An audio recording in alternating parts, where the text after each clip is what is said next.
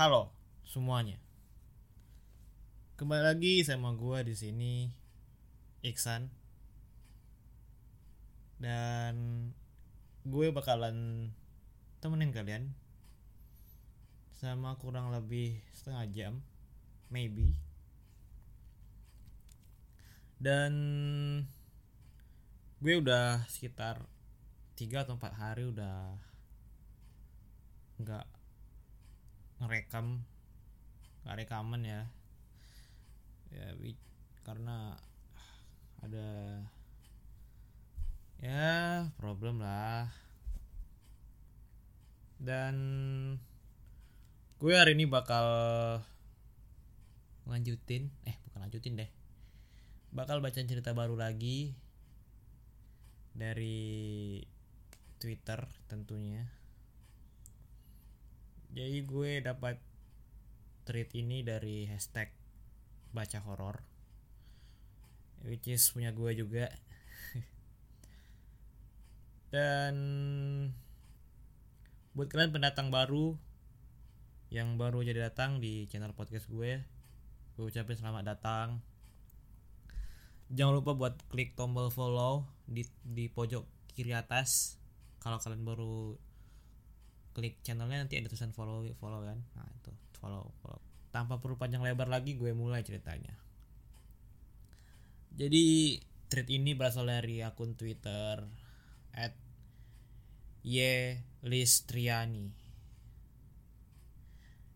dan thread ini berjudul gue berasa haus mulu oke jadi ini ceritanya dari pengalaman sepupunya yang judulnya tadi gue berasa haus mulu. Judulnya emang agak asik ya. Agak chill gitu oke? Sebelum mulai oh gue mau bilang terima kasih untuk ngeramein treat gue yang kemarin ya friend. Tapi kok nggak ada yang pengen mutualan eh oke skip skip. Oke kali ini gue mau cerita tentang sepupu gue di Aceh. Sebut aja namanya si M ya. Sorry notif. Dia ini bukan anak IndiHome tapi cuma peka aja. Dia ini cowok peka. Nggak kayak kamu. Kita sepupuan deket banget karena kita dari kecil udah main bareng mulu. Sekolahnya juga bareng mulu. Rumahnya pun deketan. Sedekat itu. Sampai kalau gue mau mau pacaran aja kudu ngomong ke dia. Kudu dia yang seleksi. Kudu psikotes dulu sama dia. Ya udah skip ya. Keluarga gue ini dulu belum punya rumah tetap kudu ngontrak sana sini sampai nggak kehitung dah. Pas zaman gue kecil sampai SMA berapa kali keluarga gue pindahan rumah terus. Sampai capek tiap dua tahun sekali kudu angkat-angkat barang terus disusun lagi. Sebenarnya pas gue SMP pernah pindah ke rumah tua model zaman dulu gitu. Tapi kisah di rumah ini ntar aja ya gue ceritain yang hari ini gue bakal ceritain adalah tentang rumah yang lain. Yang jelas lumayan serem menurut gue. Jadi pas kelas 2 SMA gue pindah ke sebuah rumah kontrakan dua pintu. Rumahnya ini dibangun di bekas kebun pisang. Yang benar-benar semak belukar gitu lah. Daerahnya nggak sepi tapi banyak rumah cuma dari cuma dari dulu kalau ngelewatin kebun kebun pisang ini auranya nggak enak. Pas gue pindah ke rumah itu rumahnya bener-bener baru abis dibikin banget. Bahkan belum dicat. Gue sama abang gue yang ngecat di rumah itu. Yang sepintu lagi bahkan belum ada yang mau ngontrak. Ya bener-bener baru. Baru kelar dibangun lantainya pun masih semen. Bukan ubin. Awal mak gue bilang mau pindah ke sana gue kayak ngambek gitu. Soalnya udah nyaman banget sama rumah yang lama. Ya walau kalau mandi kudu nimba air sampai lengan gue berotot. Rumahnya tapi nyaman. Walau rumahnya lebih kecil dari yang ini tetap gue udah nyaman. Biaya kontrakannya udah dibayar langsung 2 tahun sama orang tua gue. Ya gue yang masih SMA ini bisa apa? Ya udahlah ngikut aja. Gue tinggal cuma berempat di kontrakan itu. Mak bapak adek dan gue. Sepi bapak gue lebih sering tidur di warung sembakonya. Kalau siang doang pulang tidur ke rumah. Tapi sekali-sekali bokap gue pulang juga sih buat tidur di rumah. Adek gue tidur di kamar nyokap gue sendirian di kamar belakang. Sendirian. Serem. Masih belum. Karena kita dulu terbilang susah. Lampu-lampu kamar tuh pakai yang wattnya kecil. Kalau kamar mak gue tuh masih ada terang. Kamar gue gelap. Redup gitu. Tapi dulu gue masih bisa nulis dengan lampu seminim itu. Belum ada tanda-tanda kalau rumah ini serem. Gue masih berusaha nyaman tentunya. Sekeliling kontrakan dua pintu ini masih penuh dengan sama pohon pisang. Buka buka jendela kamar yang dilihat pohon pisang. Buka jendela dapur ya pohon pisang juga. Parno nggak lu? Cuma halaman depan doang yang nggak ada pohon pisangnya. Lu tau lah ya kebun pisang itu kan sarang apa sih mitosnya? Sehari-hari gue kalau siang pulang sekolah langsung bantu-bantu orang tua. Di warung sembako dan mie shopnya jadi siang bisa bilang jadi siang bisa dibilang full di warung. Sampai malam jam 10-an malah. Ya jarang di rumah gitu. Paling pulang buat sholat aja. Nah suatu malam sekitar jam setengah sepuluh warung mak gue udah nutup. Jadi kita pulang lebih cepat. Sampai rumah gue langsung bersih-bersih mau sholat. Sholat isya. Ya rutinitas kayak biasa lah. Baru juga takbir pertama. Baca iftitah sebaris. Tiba-tiba ada yang manggil gue. Bukan suara mak gue tentunya. Dan bukan adik gue juga. Suaranya bahasa jauh banget. Jauh tapi jelas. Manggil-manggil nama gue kayak ngajakin main. Tepatnya kayak bocah. Ngajakin main gitulah nadanya alhasil gue nggak bisa kusyuk jam segini siapa gue yang ngajakin main? Teman-teman sepantaran gue yang yang paling udah pada tidur. Kemudian gue buru-buru kelarin sholat ngacir ke ruang TV samperin mak ame sama samperin mak adik gue dan gue ngomong mak apaan sih manggil manggil orang lagi sholat juga. Kata gue. Padahal gue tahu itu bukan mak gue. Tapi gue mencoba menenangkan diri. Ngarep jawabannya mak gue bakal bilang oh kirain lu ngapain?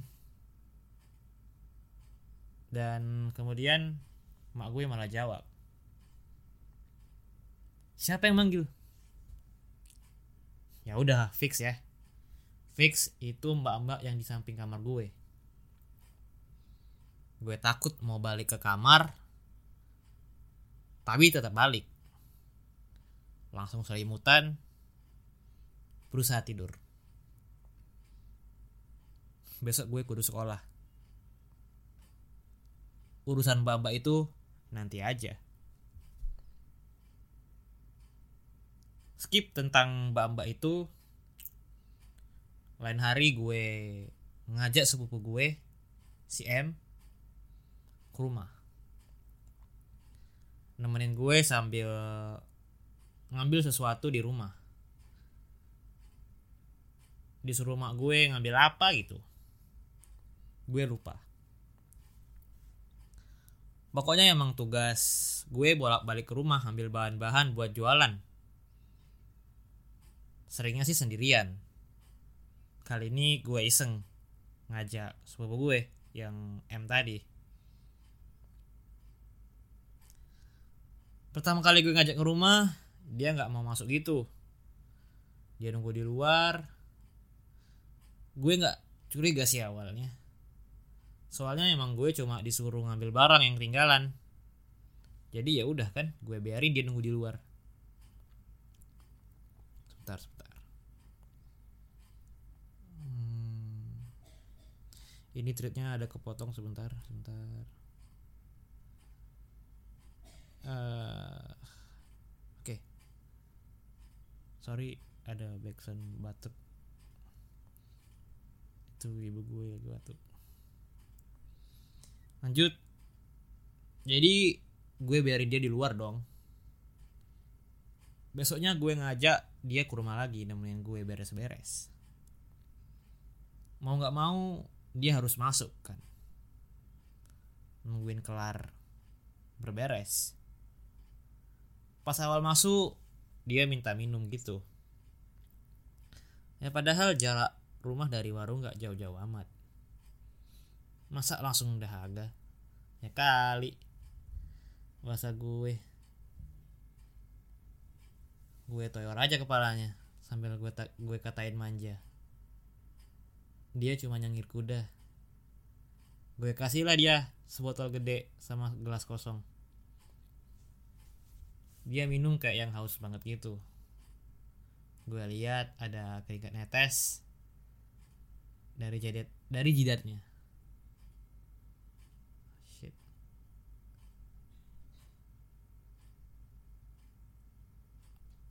Tapi gue bodo amat. Gue lanjut aja berberes dia duduk di sofa depan kamar mak gue. Sambil ngeliatin ke kulkas terus. Dia ngeliatin kulkas terus minum nggak berhenti berhenti itu botol udah mau kosong aja gue liatin.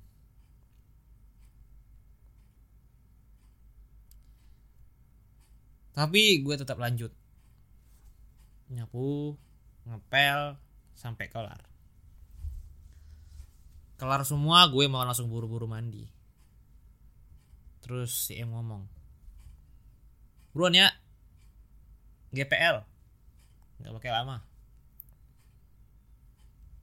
Di sini perasaan gue udah nggak enak. Soalnya gue lihat muka si M tuh udah kayak pucat gitu. Jadi ya udah gue buru-buru cepat baju cepat pakai baju. Samperin dia lagi.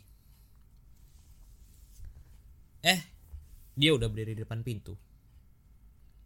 Sambil ngeliatin ke jalanan terus botol kosong bekas minumnya dia geletakin aja di sofa. Kesel lama aja lu katanya. Ya gue bodo amatin aja ya. Kita tinggalin itu rumah kontrakan. Parah lu. Udah ngabisin sebotol nggak diisi lagi kata gue. Sambil nyubit tangannya. Eh iya sorry. Gak enak banget gue heran. Apanya yang gak enak?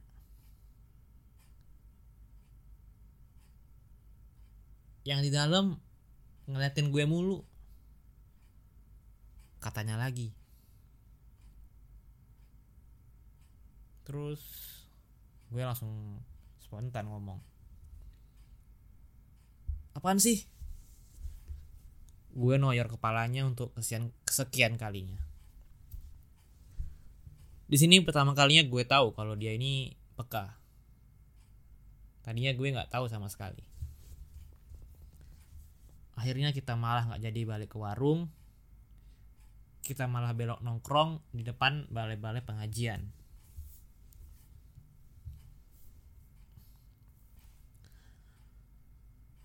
Yang memang letaknya di depan warung gue sih kita nongkrong di sana karena emang itu balai-balai nggak dipakai dipakainya pas bulan Ramadan doang. Kita nongkrong di tangganya. Ya udah gue intro interogasi aja dia. Gue tanya-tanya dilihat apaan? Dia cuma geleng-geleng. Katanya dia tadi cuma bercanda doang tapi gue paksa terus. Dia tetap geleng-geleng. Ngeselin. Dia bilang ke gue nggak usah mikirin katanya yang tadi. Ya udah gue jujur lah akhirnya. Kalau gue juga bekas sama hal gituan. Makanya dari awal gue nggak suka aja diajak pindah ke, ke, ke kontrakan itu baru si M mau buka mulut. Di samping rumah ada mbak-mbak yang suka ngajak main. Dadah-dadahin gue terus katanya. Ini benar sih. Si mbak yang diem di pohon pisang samping jendela, jendela kamar gue emang rese. Lu nggak pengen nebang pohon pisangnya aja mbak-mbaknya diam di situ karena di situ lembab banget. Gue nggak jawab apa-apa. Oh, jadi si M ini bilang kalau disuruh nebang pohon pisang soalnya pohon pisangnya ini lembab gitu. Terus si M ngomong lagi di atas kulkas lu tuh ada anak kecil nongkrong santai banget sampai ketawa-ketawa. Kata si M. Jujur gue nggak bisa lihat sejelas itu. Gue cuma bisa ngerasain emang ada anak kecil di atas kulkas. Tapi gue nggak bisa selihat tapi gue nggak bisa ngelihat sampai segitu detailnya. Gue cuma gue cuma ngerasa nggak nyaman aja di jendela dapur ada yang ngintip terus. Bentukannya kayak permen. Lu nggak minat apa bukain ikatannya. Anjay. Gue nggak pernah ngeliat sosok ini sama sekali. Cuma emang ngerasain auranya nggak enak kalau ngelongok keluar jendela. Matanya bolong. Si M ngelanjutin kemudian gue teriak udah diam gue masih harus tinggal setahun lebih lagi di sana. Udah please jangan lu sebutin. Hehe. Gue kalau berasa gerah terus berarti di sekitaran gue banyak makhluk-makhluk kayak begitu. Gue cuma bisa diem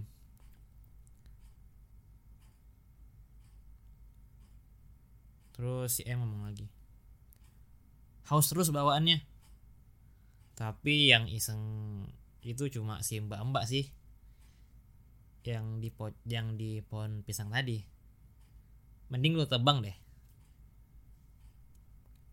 Pada akhirnya gue sama keluarga gue bertahan di sana selama 2 tahun. Pohon pisang yang di samping kamar gue akhirnya ditebang. tebang habis. Setelah izin sama yang punya rumah. Kemudian si mbak-mbak yang suka manggil-manggil itu nggak tahu pindah ke mana tapi gue tetap sendirian. Tidur di kamar tentunya. Walau sekarang lebih nyaman setelah dua tahun malah ortu gue berniat mau perpanjang tinggal di situ.